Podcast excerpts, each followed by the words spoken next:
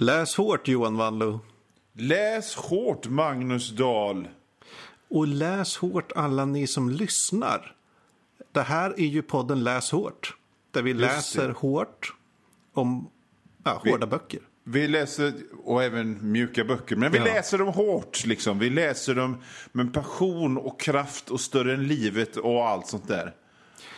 Vi, eh, det gemensamma för alla böcker vi läser är att det kanske inte är böcker som så många pratar om i andra sammanhang. Nej, det, nej precis. Det, det är så, alltså, vad, jag tyckte jag skrev en sån fin liten programförklaring till det första programmet. Men det är, va, va, alltså, livet är lite för kort för att läsa böcker som inte innehåller barbarer och rymdstrider och zombies och näpna flickjournalister och glada gäng med en hund som åker till öar och äter picknick och odödas cowboys och sånt. Folk som slåss med värjor kanske. Precis. Upp och ner i trappor. Folk Ja. som skändar lik. Skuggor som får eget liv och, och demoner från andra dimensioner. Folk vars... eh, eh, eh, De är kanske journalister och deras liv är bara en enda jävla härjig sörja av kaos men de redeemar sig Mm. för att de har kommit konspirationen på spåren. Helt enkelt böcker som vanlig PK-media inte vågar prata om. Nej, Kobra skulle aldrig prata om de här böckerna. Nej, väldigt, väldigt. Och ingen understreckare i SvD blir det. Nej, nej. Ja, det är för jävligt. Eh, Men det är därför Eh. vi finns här. Förlåt? Det är därför vi finns här. Ja. Du har varit på Bokmässan. Just det. Demonstrerade det är därför du vi är med lite- eller mot nazisterna? Vad sa du nu? Demonstrerade du med eller mot nazister? Nej, eh, jag var inne på mässan och signerade och grejer. Jag var ute, jag, jag var ute och kollade, liksom kollade läget. Men allt jag såg så där, det var ju för jävla mycket polis, eh, poliser och eh, piketer och en massa, massa, massa människor som stod och sjöng. Eh, upp, upp mot Liseberg där som hade någon manifestation. Och sen så, så, så såg jag kanske några, några små nazister borta upptryckta mot ett litet hörn när jag var ute och kollade. Men jag upplevde framför allt lite otäck stämning inne på mässan. Jaha, upp- vad hände då? Nej men alltså snacket börjar gå sådär. Nu är de här. Na- Nazist, Poliserna, nu börjar, nu, nu nazisterna. Börjar de, nu, na, na, nazisterna, nu börjar de gå sådär. Och, och så, sen så var det en sån här märkbar, märkbar eh, stämning av... Alltså man märkte så tydligt att det inte var några folk där. Det, alltså en lördag på mässan är, är fan helt outhärdlig. Det, det, är då man ska sitta, alltså, det är då man ska se till att sitta och signera eller ännu hellre sitta i någon skybar och äta räkmacka. För att det går inte att vara där. Nu var det alldeles, nu var det alldeles tomt. Ja, det är ju deppigt. Ja, det var jättedeppigt, men, men jag hade en kul mässa ändå, mest för att det är så kul att, att dricka vin och smygröka och, och sådana grejer. Ja, det gillar man ju. Alltså Ja, leva livet. Ja, så att, men nu är man tillbaka i den gråa verkligheten, så det är så trevligt att träffa dig här.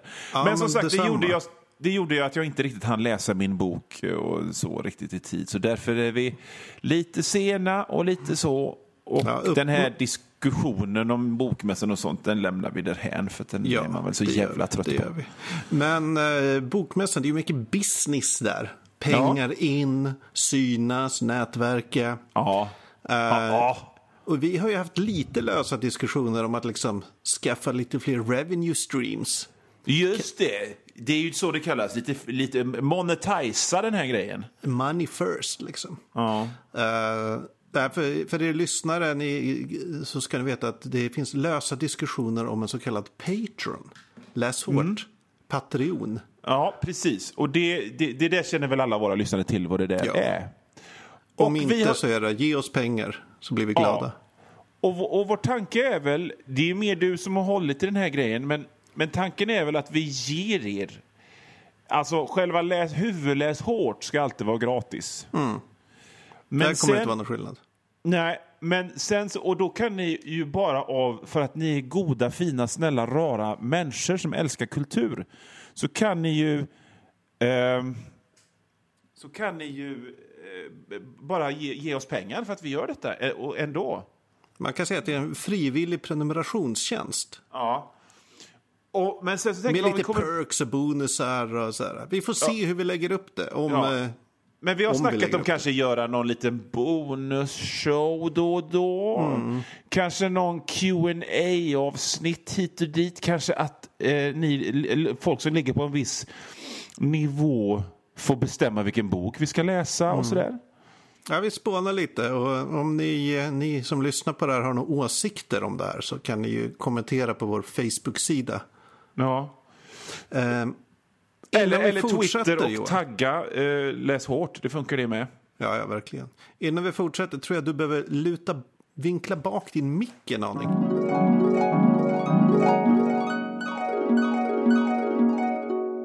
Var var vi? Jo, vi hade just eh, sålt ut oss och pratat om en möjlig Patreon. Och vi ska precis gå in på det stående inslaget. Vad har du läst på sistone? Just det. Jag har läst, eh, jag, jag kan ju nämna, det här är ju ingen läs hårt-bok, och, eh, men, men bara för att visa att jag hänger med.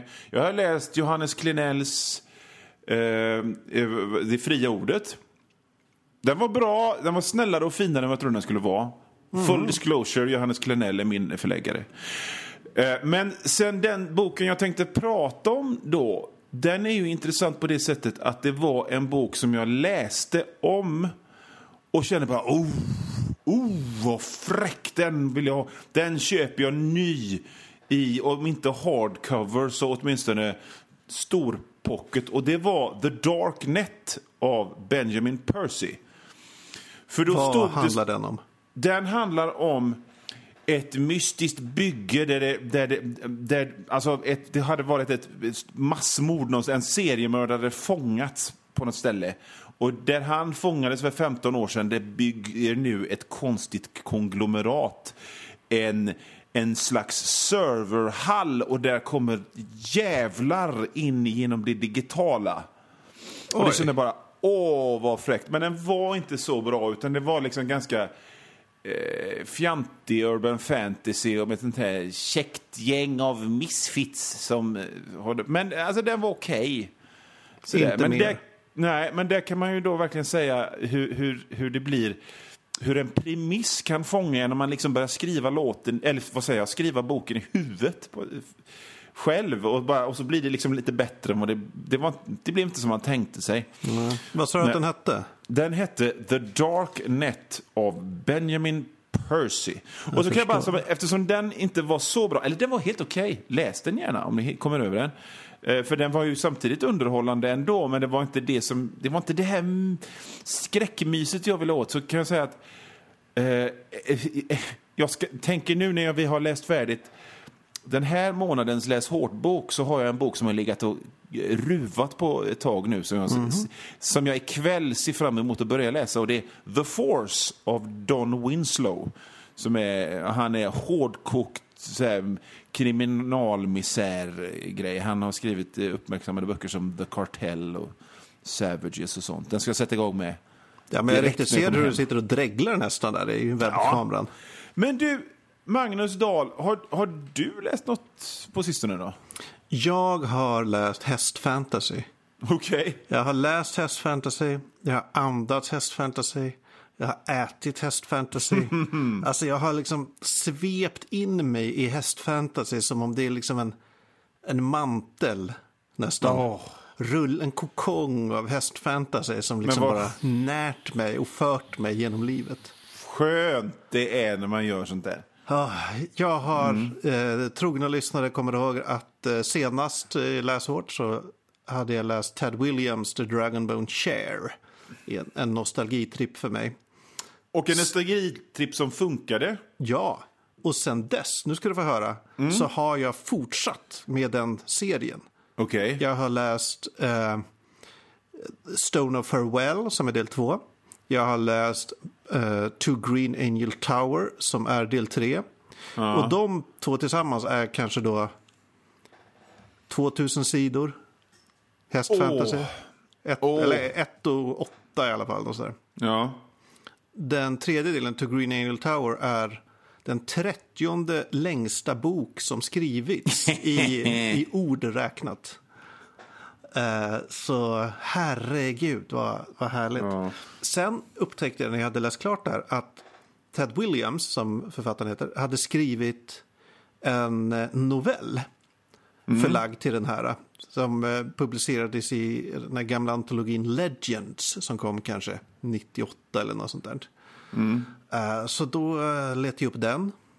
Eh, läste, läste novellen The Burning Man. Den var nice. Eh, och nu har jag hoppat på den nya, första delen i den nya trilogin som släpps. Som just har släppts. Som Okej. utspelar sig i samma värld. Eh, The Witchwood Crown. Okej. Och jag har två saker att säga. Eh, originaltrilogin skrev, den började skrivas på 80-talet, blev färdigställd 93. Det här är liksom någon sorts pre George R. R. Martin gritty, grimdark fantasy. Alltså hela den strömningen som kom i slutet av 90-talet har inte riktigt kommit hit. Det är fortfarande så här eh, ganska mycket sorg och elände och vemod och folk som dör och sådär. Men det är inte det här utstuderade, jävlar vad det är lerigt och folk eh, Nej. blir av med lemmar liksom. Och, och hjältarna har fortfarande spänstiga pipskägg, eller? Ja, men de är så här ändå på något sätt goda, även om de såklart inte är så här, i varje fall inte här är pappfigurer, utan de har Nej. Mm. lite djup i alla fall. Men de är inte de här troubled past uh, uh, s- mördare liksom. Nej. Eh, men det är en sak. Så det var intressant att bara återuppleva den typen av fantasy. Men också något jag tänkt på. Något som kom och man märkte det ganska tydligt i Game of Thrones. Men det pikade väl, det slog igenom mycket senare med kanske typ Lost på tv. Det Okej. är mysteriet som ett koncept. Alltså att mysteriet är så jävla viktigt för en viss typ av, av populärkultur. Ja, visst. Det var det inte i, i den här trilogin, Nej. Memories of Thorn.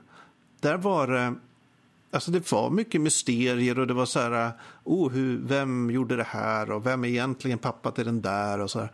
Men det var mer bisaker. Det var inte så att allt hängde på en plot twist. Nej, precis. Som det kan vara i, i viss eh, modern fantasy, liksom, och modern eh, tv, eller vad man ska säga. Eh, Ja, att det, är- det, det är liksom en, man, man, alltså det, det droppar som kaffe liksom. Ja, så, det finns och lite ett- info, lite info och så kommer det en stor fråga istället. Ja. När man har fått lite, ja. Ja, men det här att, att mysteriet i sig är liksom en så här självändamål. Det upplevde jag inte här. Okej. Uh, ja, men det, det har varit underbart. Ja, men vad Helt skönt underbart. då. Men, hur- jag vill bara, du- om den nya boken, Witchwood Crown, som jag börjar läsa. Ja. Eh, vi har ju ibland eh, diskuterat olika så här stereotyper och klichéer och liknande. Ja. Eh, nu när jag börjat läsa den insåg jag att jag, det, den börjar, det här är ingen spoiler, den inleds med en stereotyp, en kliché, klyscha som jag älskar. Det är den här, eh, ett sändebud kommer färdandes mot eh, en plats där man, typ kungen finns. Ja. Eh, Sändebudet, så här, åh, lång resa, huh, jag har jätteviktigt meddelande, det kommer förändra allting. Eh, sätter av så här mot sista etappen. Bo, känner en pil in i ryggen. Åh nej! Åh nej! Och så här, försöker mana på hästen och komma fram så här. Åh nej, en till pil. Dör. Meddelandet kommer inte fram. Okej. Du, du, du, du. Ja, men du fan, vet du. Men, men det här, alltså, alltså det låter på det som det var gött och det, det var en härlig upplevelse att återse det hela. Det var härligt. Det var Men- fantastiskt. Jag tänker på när jag, alltså det enda som jag läser, jag läser aldrig om böcker mest för att jag inte har tid känner jag. Men jag läser ju om serier för att serier är ju inte samma tidsinvestering på samma sätt. Men då känner jag att då skummar jag rätt mycket ibland på vissa ställen. Gör man det när man, hur, hur, hur funkar det? Jag gjorde du inte det. Nej. Dels för att jag inte har, Det har läst det länge här sedan. på 20 år. Ja, Och jag kom faktiskt inte ihåg någonting. nej. Alltså jag kommer ihåg vissa karaktärer ett fåtal händelser. Men liksom hade ingen aning egentligen vad den här boken handlade om. Men det är intressant för att jag tänker så här, jag brukar säga så här, åh jag minns när jag läste Stephen Kings Det. Men nu när den här filmen kom så slår det mig, jag kommer inte ihåg så mycket. Den här Pennywise, den här clownen, jag kommer, jag kommer, jag kommer mest ihåg att jag läste den och gillade den och så kommer jag mest ihåg mitt pojkrum och hur solen silade sig i dammet och så vidare. Men alltså, det, var mer annat man kom ihåg. Så att, Ja, eh, men så var det precis med den här.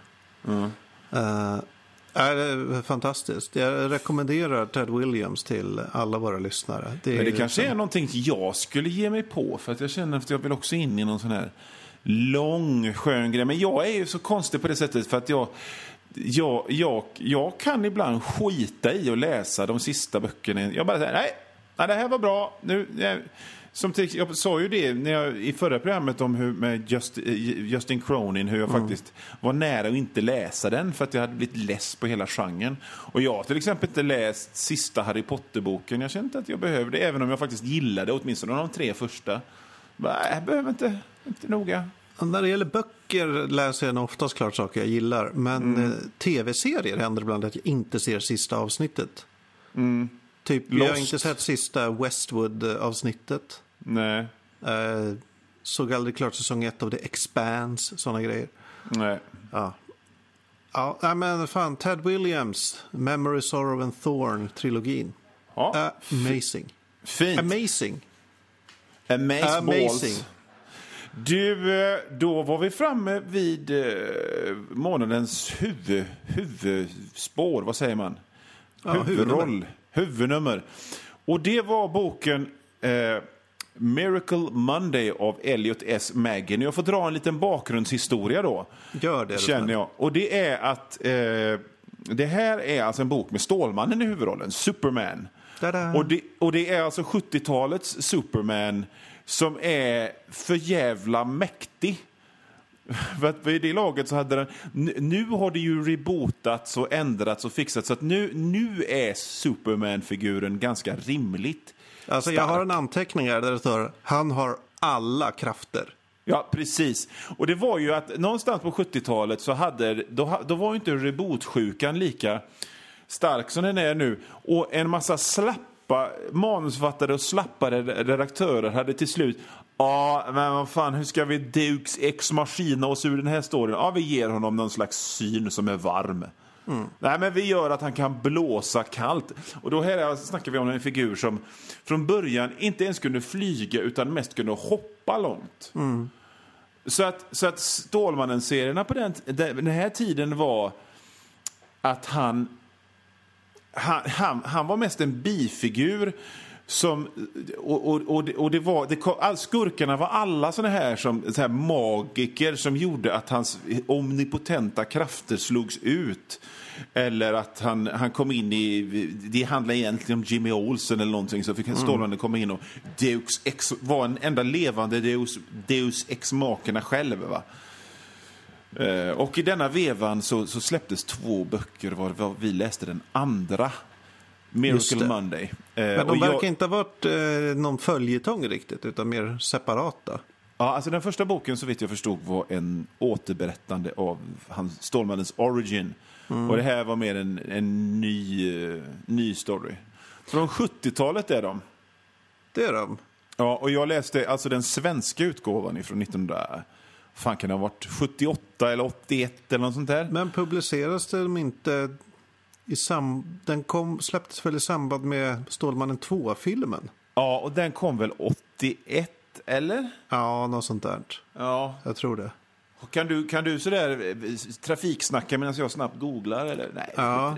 det. Eh, det, jag har ett, ett minne från eh, mitt landställe. Jag hade en Stålmannen-tidning där som då var från den här perioden. Ja. Där Stålmannen typ träffade någon gammal eremit i en blind gubbe i någon stuga av någon jäkla anledning. Och han då, Stålmannen, tog en kolbit, pressade den tills den blev en diamant. Ja. Sen använde sin laserblick genom diamanten för att typ operera den här gubbens ögon. Så gubben kunde se igen. Ja, så det, det är typiskt sådär. det är Stålmannen-serie från den tiden. Ja. Väldigt träigt tecknad av Kurt Swan. Mm, jo, men så det var han. var liksom en gudfigur. Och det, ehm, Verkligen. Ja, mycket spännande. vad tyckte du om den här boken då? Ja, har många känslor eh, tampas i denna kropp. Eh, först och främst, så jag, jag är inte jättebevandrad i Stålmannen-lore. Jag har aldrig varit ett DC-fan, riktigt Nej. så. Nej. Men de här uh, figurerna, Jimmy Olsen känner jag igen. Och Ja, liksom. Louis Lane och alla de där. Perry White och så vidare. Ja. Men den här uh, Saturn som är Ja. Mm. the big bad. Är han är CV Saturn? Är det Nej, någon... jag, jag, Finns jag, han? jag har, alltså, för jag är ju däremot ett stort eh, Stålmannen-fan. Det var liksom de första superhjälteserierna jag någonsin diggade. Och just den här perioden var ju den här perioden då jag älskade detta. Men det, alltså, just den figuren minns jag inte. Jag tror att den är ny för den här boken. Och det är För det- någon slags eh, tidsresande elaking. Ja, men typ någon demon från framtiden. Ja, Som tjänar Satan, som jag fattar ja precis. Satan bor någonstans och så skickar han den här uh, Saturn Ja. för att någonting på jorden. Ja, och besätter en tjej som också reser i tiden. Just det, hon är Ja. typ så här etnolog från framtiden som Ja. kommer tillbaka för att studera det här Miracle Monday som kommer att hända. Och då, och då, och då kommer vi till, till, till, till liksom lite grann vad den här boken är, det vill säga ganska rörig. Ja, jag, Ja. Har, väl, jag har mycket anteckningar om just det. Ja, för, jag- för jag känner så här att eh, eh, det är så väldigt tydligt med den här boken att det är, de försöker, han försöker göra den för att eh, på den här tiden så var serier mainstream. Folk gick och köpte sig en serietidning på samma sätt som vi d- drämmer på Netflix idag. Va? Men, men det var ändå, sågs ändå som disposable junk. Så att, men han ville göra det lite speciellt. Han ville liksom ge det liksom lite mer pamp än vad, det, än vad det har getts tidigare.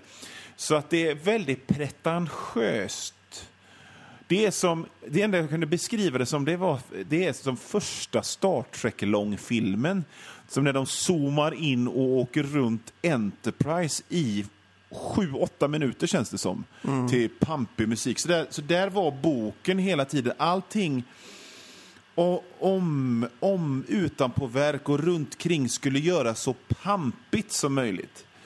Ja, det, han eh, tjatar väldigt mycket. Eller han, vad ska man säga? Han gillar långa exempel och upprepade Exakt. exempel. Exakt. Han är så här... Eh, uh, C.V. Saturn eh, har varit inblandad i massa olika grejer. Och så är det så här tio olika exempel på, genom historien som den här eh, demonen har gjort. Så här, Ja. Dag Hammarskjöld dog och sen var det Hit- innan det var det Hitler och sen var det det, det, det, det, det. Ja, och, det, och så där är det hela tiden, i varje kapitel Ja. på något sätt. Typ två, tre sidor bak, olika bakgrundsexempel på olika Ja. människor eller varelser har, har gjort. Ja, eller vad, det, eller vad, någon, vad någon katastrof får för effekt. En båt välter, en skörd i Colombia utslås ut, bla bla bla. bla, bla, Ja. Och jag menar en, en grej som man till exempel om man, om, man, om man som jag har skrivit manus mycket hit och dit lär sig det är att en, alltså tre gånger, gör man en sak tre gånger då kan man lika gärna göra det hundra gånger. Det betyder att man gör, man gör det tio gånger. Fast man bara gör det tre. Men det skiter Elliot S. Maggen i och drämmer på med två, sidor, två och en halv sida beskrivningar efter varandra. Ja, Flera olika gånger. uppradningar Ja. kan man väl säga. Ja. Eh, och det här får ju effekten, tycker jag. Alltså dels är det lite svårt att ta boken på allvar. Ja, Den känns lite plojig. Ja. Det känns som han inte riktigt eh, tror på det han gör. Nej, och, men, och försöker då eh, eh, liksom pumpa i mening Ja. på ett pretentiöst sätt eh, genom att göra såna här grejer.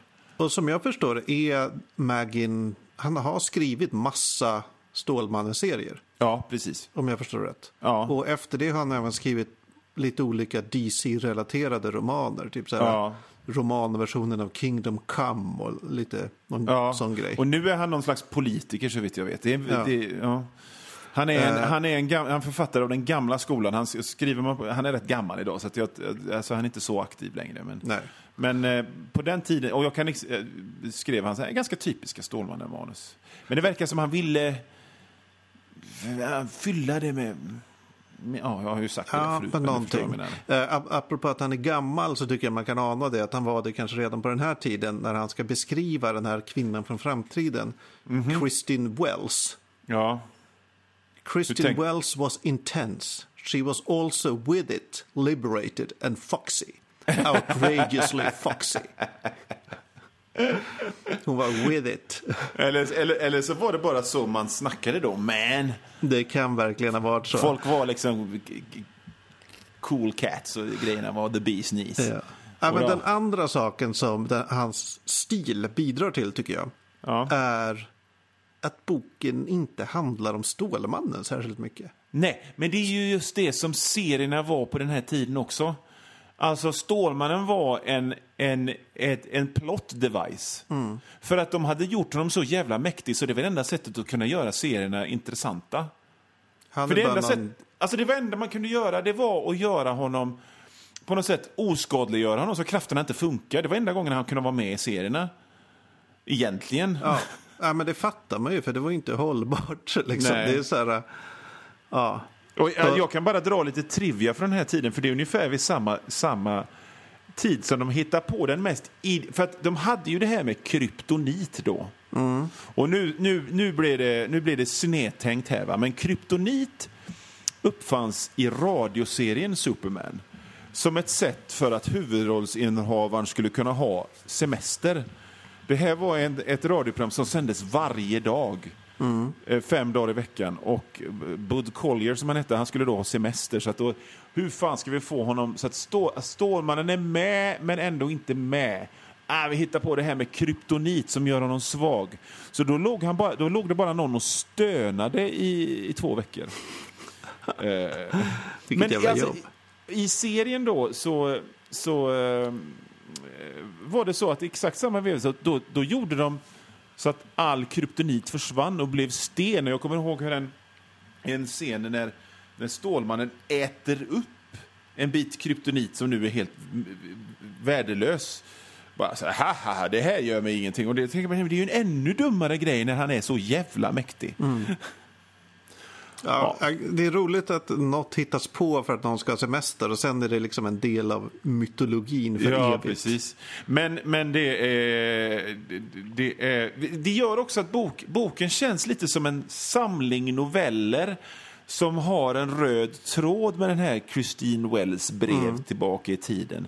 Där man, alltså, det är någonting med Lut, Lex Luthor och det är någonting med den här CW whatever Ja. och den här tjejen.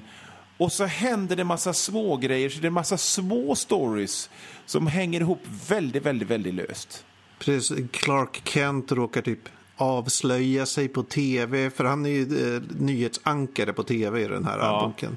En, lite, en liten osido till. Jag kommer ihåg hur för, för något år sedan så här liksom när, när media kom ut så här, Åh, nu är printmedia död för nu slutar Clark Kent jobba på Daily Planet. Och så kände jag bara så här, men ni skulle ha frågat mig för redan på 70-talet så var han nyhetsankare på WGBS. Ja, ja, men Eh, ja, men det, det blir många så här små episoder som Mm. han träffar Ray Bradbury. ja, han träffar Noam Chomsky. Bara sådana saker. Eh, det, är, det är väldigt splittrat. Uh, såklart är det med någon sorts kärlekshistoria med Louis, Louis Lane. Ja, Eh, den får inte jättemycket utrymme, men den finns där. Och det är liksom så här... eh, Ja, jag kollar mina anteckningar. Tusen gånger har jag skrivit så här. Exempel, för mycket exempel. Men det fanns en sak i den. Eh, En eh, spaning, eller vad man kan säga, om, som Stålmannen gör om sig själv, eller vad man ska kalla det. Som Okej. jag tyckte var intressant. Det är att han reflekterar över alla de här jäkla olyckorna som han måste styra upp. Att Ja. här, oljetankrar sjunker och flygplan ska krascha och hus rasar och hit och dit och det, det ena med Ja. det andra. Eh, och då ha- tänker han tanken så här. Att han är säker på att hans närvaro på jorden gör att människor tar mer risker. För de vet att han finns. De bygger en liten sjabbig bro för det går snabbt och är billigt och så här. Eh, Ja. och, och så när han reflekterar över det så blir han så här upprörd. Ja. Han bara, han har någon sorts medvetenhet om att Ja. hans närvaro inte bara är positiv. Nej. Vilket Just jag kan det. gilla. Ja, jag, jag, jag, tycker att, att boken har en ganska fin passage i början. Och det är, eh, det är... Boken börjar med att eh, Stålmannens Clark Kents eh, far, Jonathan Kent, har en mardröm om hur... Alltså för att bo, boken börjar när... när för det är på den tiden när, när Stålmannen hade varit Stålpojken innan och funnits i många, många år. Men i alla fall, Jonathan Kent får en mardröm om hur, hur sonen blir en ond diktator med alla sina krafter. Eh, Men så vaknar han och, och, så kommer, och, och så är det någonting med Clark Kent. Och det visar sig att det skulle aldrig, Clark Kent aldrig göra för han är så otroligt god och rätt fantasilös. Han, skulle, han förstår inte hur någon kan vara ond eller vill göra någon annan människa illa. Alltså Clark Kent är så jädra reko. Och just den biten tyckte jag ändå var liksom lite fin i det hela. För det är då, det är ju ändå lite grann därför man läser, eller som man, det som man gillade med superhjältar. Att, att det, det var liksom där ens moraliska kompass bildades på något sätt-. Sen har man ju lärt sig att tycka om eh, den dekonstruerade superhjälten och, och. Punisher och sånt. Men liksom när det i grund och botten handlar om någon som är så bara, bara så jädra snäll att han inte fattar hur någon kan vara ond. Jag tyckte det var fint på något sätt. Det var en fin passage in i övrigt rätt. Alltså, jag, jag Alltså, jag känner... håller med om, om den här passagen. Den var väldigt fin. Den funkade inte så bra som en inledning till en roman. Oh, nej, absolut inte. Men det var, var fin. skitkonstigt. Den hade varit bättre om den var någon bit i, i som en inledning till en roman. Var den jättekonstig. Jag bara, vad fan handlar det här om? Vad är det som pågår? Ja. Ja. Ja. Eh, alltså det var, för att sammanfatta mina åsikter om det här skulle jag säga att den var bet- boken var ändå bättre än jag trodde den skulle vara. Den var mer välskriven än jag trodde den skulle vara. Trots de här upprepningarna. Alltså dispositionen var väl inte superbra, men liksom språket. Ja. Det är skrivet av någon som kan skriva, som sen kanske Ja. gjort lite dåliga val i hur han berättar en historia. ja, precis. Eh, men det är ju inte en... Det är inte en bok jag kommer komma tillbaks till. nej. Det är det inte. Nej, eh, jag, jag kan tänka mig att ehm, den hade samma funktion som till exempel Star Wars-romanerna idag. Att man, man, för, de som bara vill ha mer och som redan kan allting. Jag kan, jag kan känna så här som en, en, en gammal nörd jag är. Att jag, jag kan känna en sån triumf. När man äntligen, för jag, jag minns den här boken när den kom ut. Jag såg den i kiosken. Jag såg den i Malmgrens kiosk ute på Hönö. Eh, och jag fick den aldrig av mamma. Den var bara för dyr. Nej, du får inte den. Nej. Och, och då kan jag bara känna så här. Haha, nu har jag den! Och nu har jag läst den. Det, det, Det, det, ringer upp din mamma, skrattar. du vet, Stålmannen 2-boken Äventyret fortsätter som jag aldrig fick. Nu har jag läst den och poddar om den. Ja. Det, det är... Men tänk att du har varit på bio. Sett Stålmannen 2. Det är väl den med General Zod och Ja, grejer. precis. Den Ja. är ganska mörk och det är mycket skit som händer. Liksom. ja, precis. Sen går eh, 12 år gammal eller vad det är. Köper den här. Läser den. Ja, och Alltså, fattar ju inte ett inte- skit. Det är inte samma genre. Det är inte Nej. samma, ingenting liksom. Nej.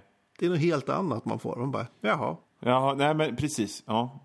Och det här Eh. Miracle Monday, hela det Ja, alltså nu, vi spoilade det här programmet. För, så att ni, det, det, det, det, är ju en, det är ju en liksom dag då alla blir glada av någon mystisk anledning som tidsparadoxas bort. Så anledningen till varför alla är glada, det, det kommer ingen ihåg. Det är bara så här att en måndag om året blir alla lyckliga för någonting härligt. som Stålmannen gör. Ja, det är superkonstigt. Det, det, där känns det ju som det är verkligen någon sorts flum 70-talsgrej som kommer in. Ja, jo lite Då, grann. Jag vill veta, är den här boken kanon? Stålmannen kanon? Det tror jag inte. För det, alltså, när, jag, när jag gjorde research om, boken, om, eh, om den här boken så, så pratades det hela tiden uh, This is a story about pre-crisis Superman. Och då bör ju eh, folk veta vad crisis är. och crisis var ett stort jädra megaserieevent. Det var på 80-talet som, som både Marvel och DC fick dille på att göra crossovers som skulle betyda asmycket. Marvel hade Secret Wars och, eh, och DC hade Crisis. Och Crisis hade en ganska... Den hade ju en anledning och det var ju liksom att, att DC-figurerna var vid det där laget 70 80 år. Alltså det, mm. menar, många av de här figurerna har ju funnits sedan 30-talet. Marvel-figurerna hade i vissa fall funnits sedan 30-talet. Men de startade på 60-talet och hade en mycket enklare conti continuity mm. att reda ut. Medan DC's var helt flängt över tre serieåldrar och det var jord 1, jord 2, jord C. Och det, liksom, det, var, det var helt omöjligt att, att, att, att hantera detta. Så på 80-talet så bara gjorde de en stor fet rensning och då passar de på att göra Stålmannen liksom lite mer...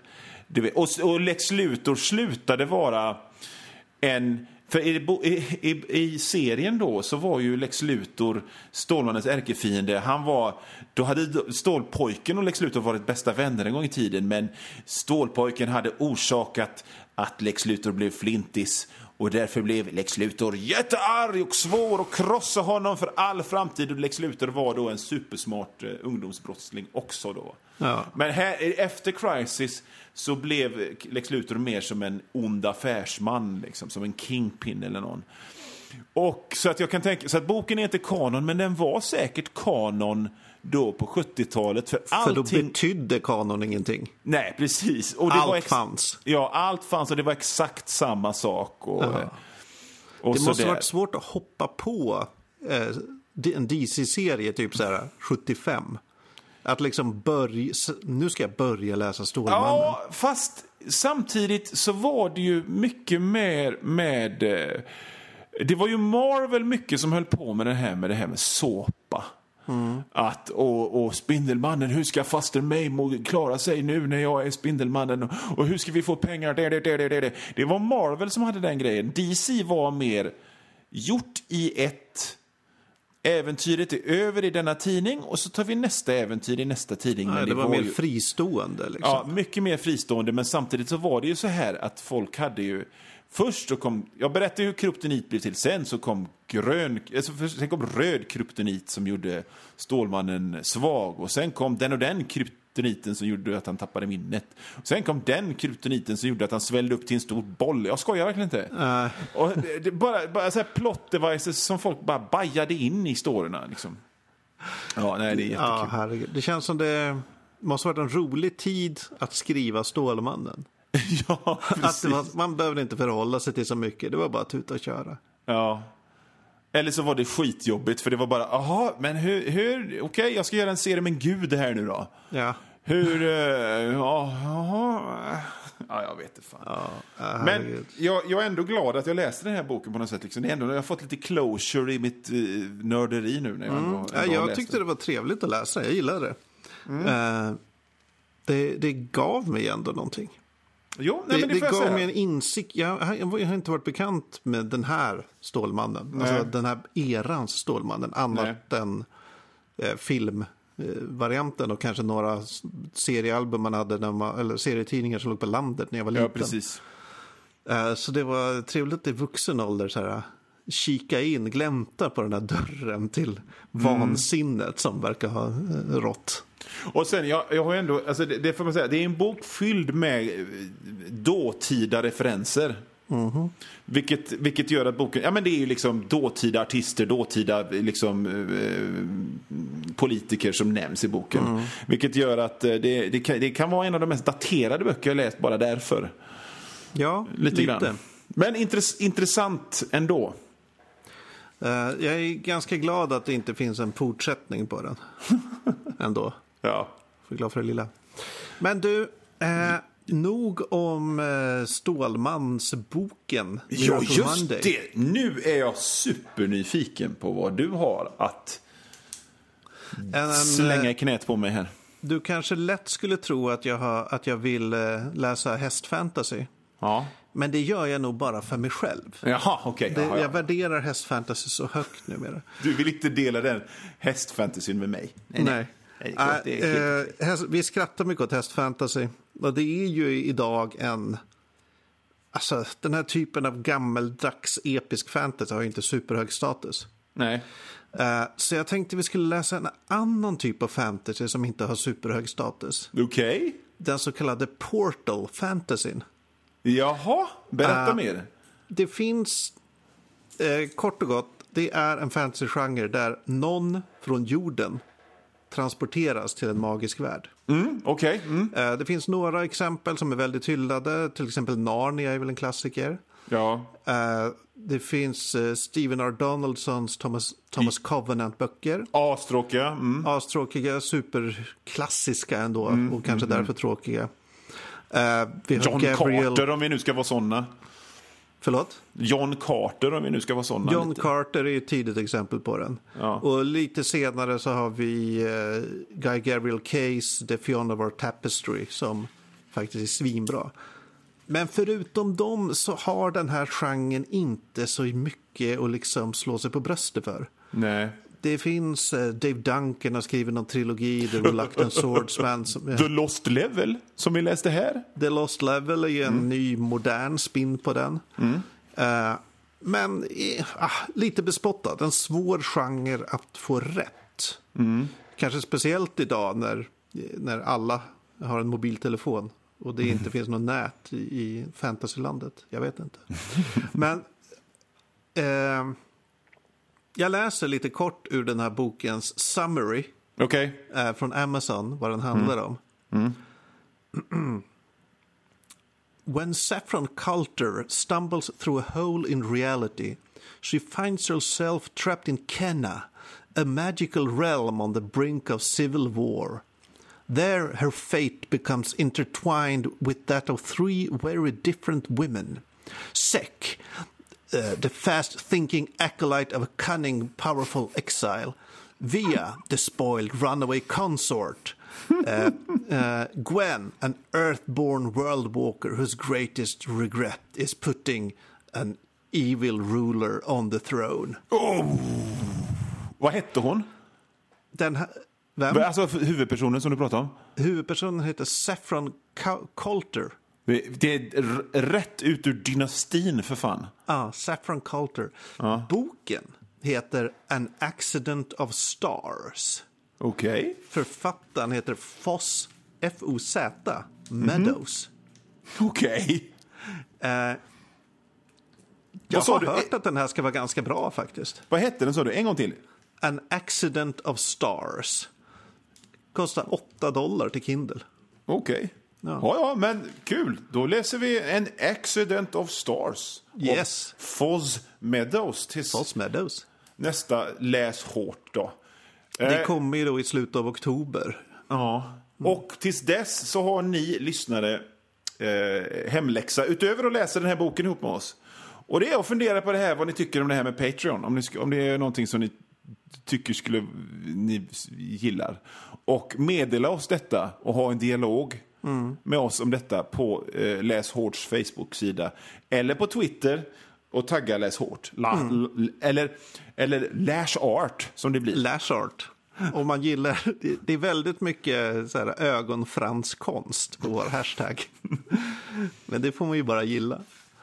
An accident, An accident of stars, säger du. Ja. Yes. Men eh, läs hårt Johan Wandlo. Läs hårt, Magnus Dahl.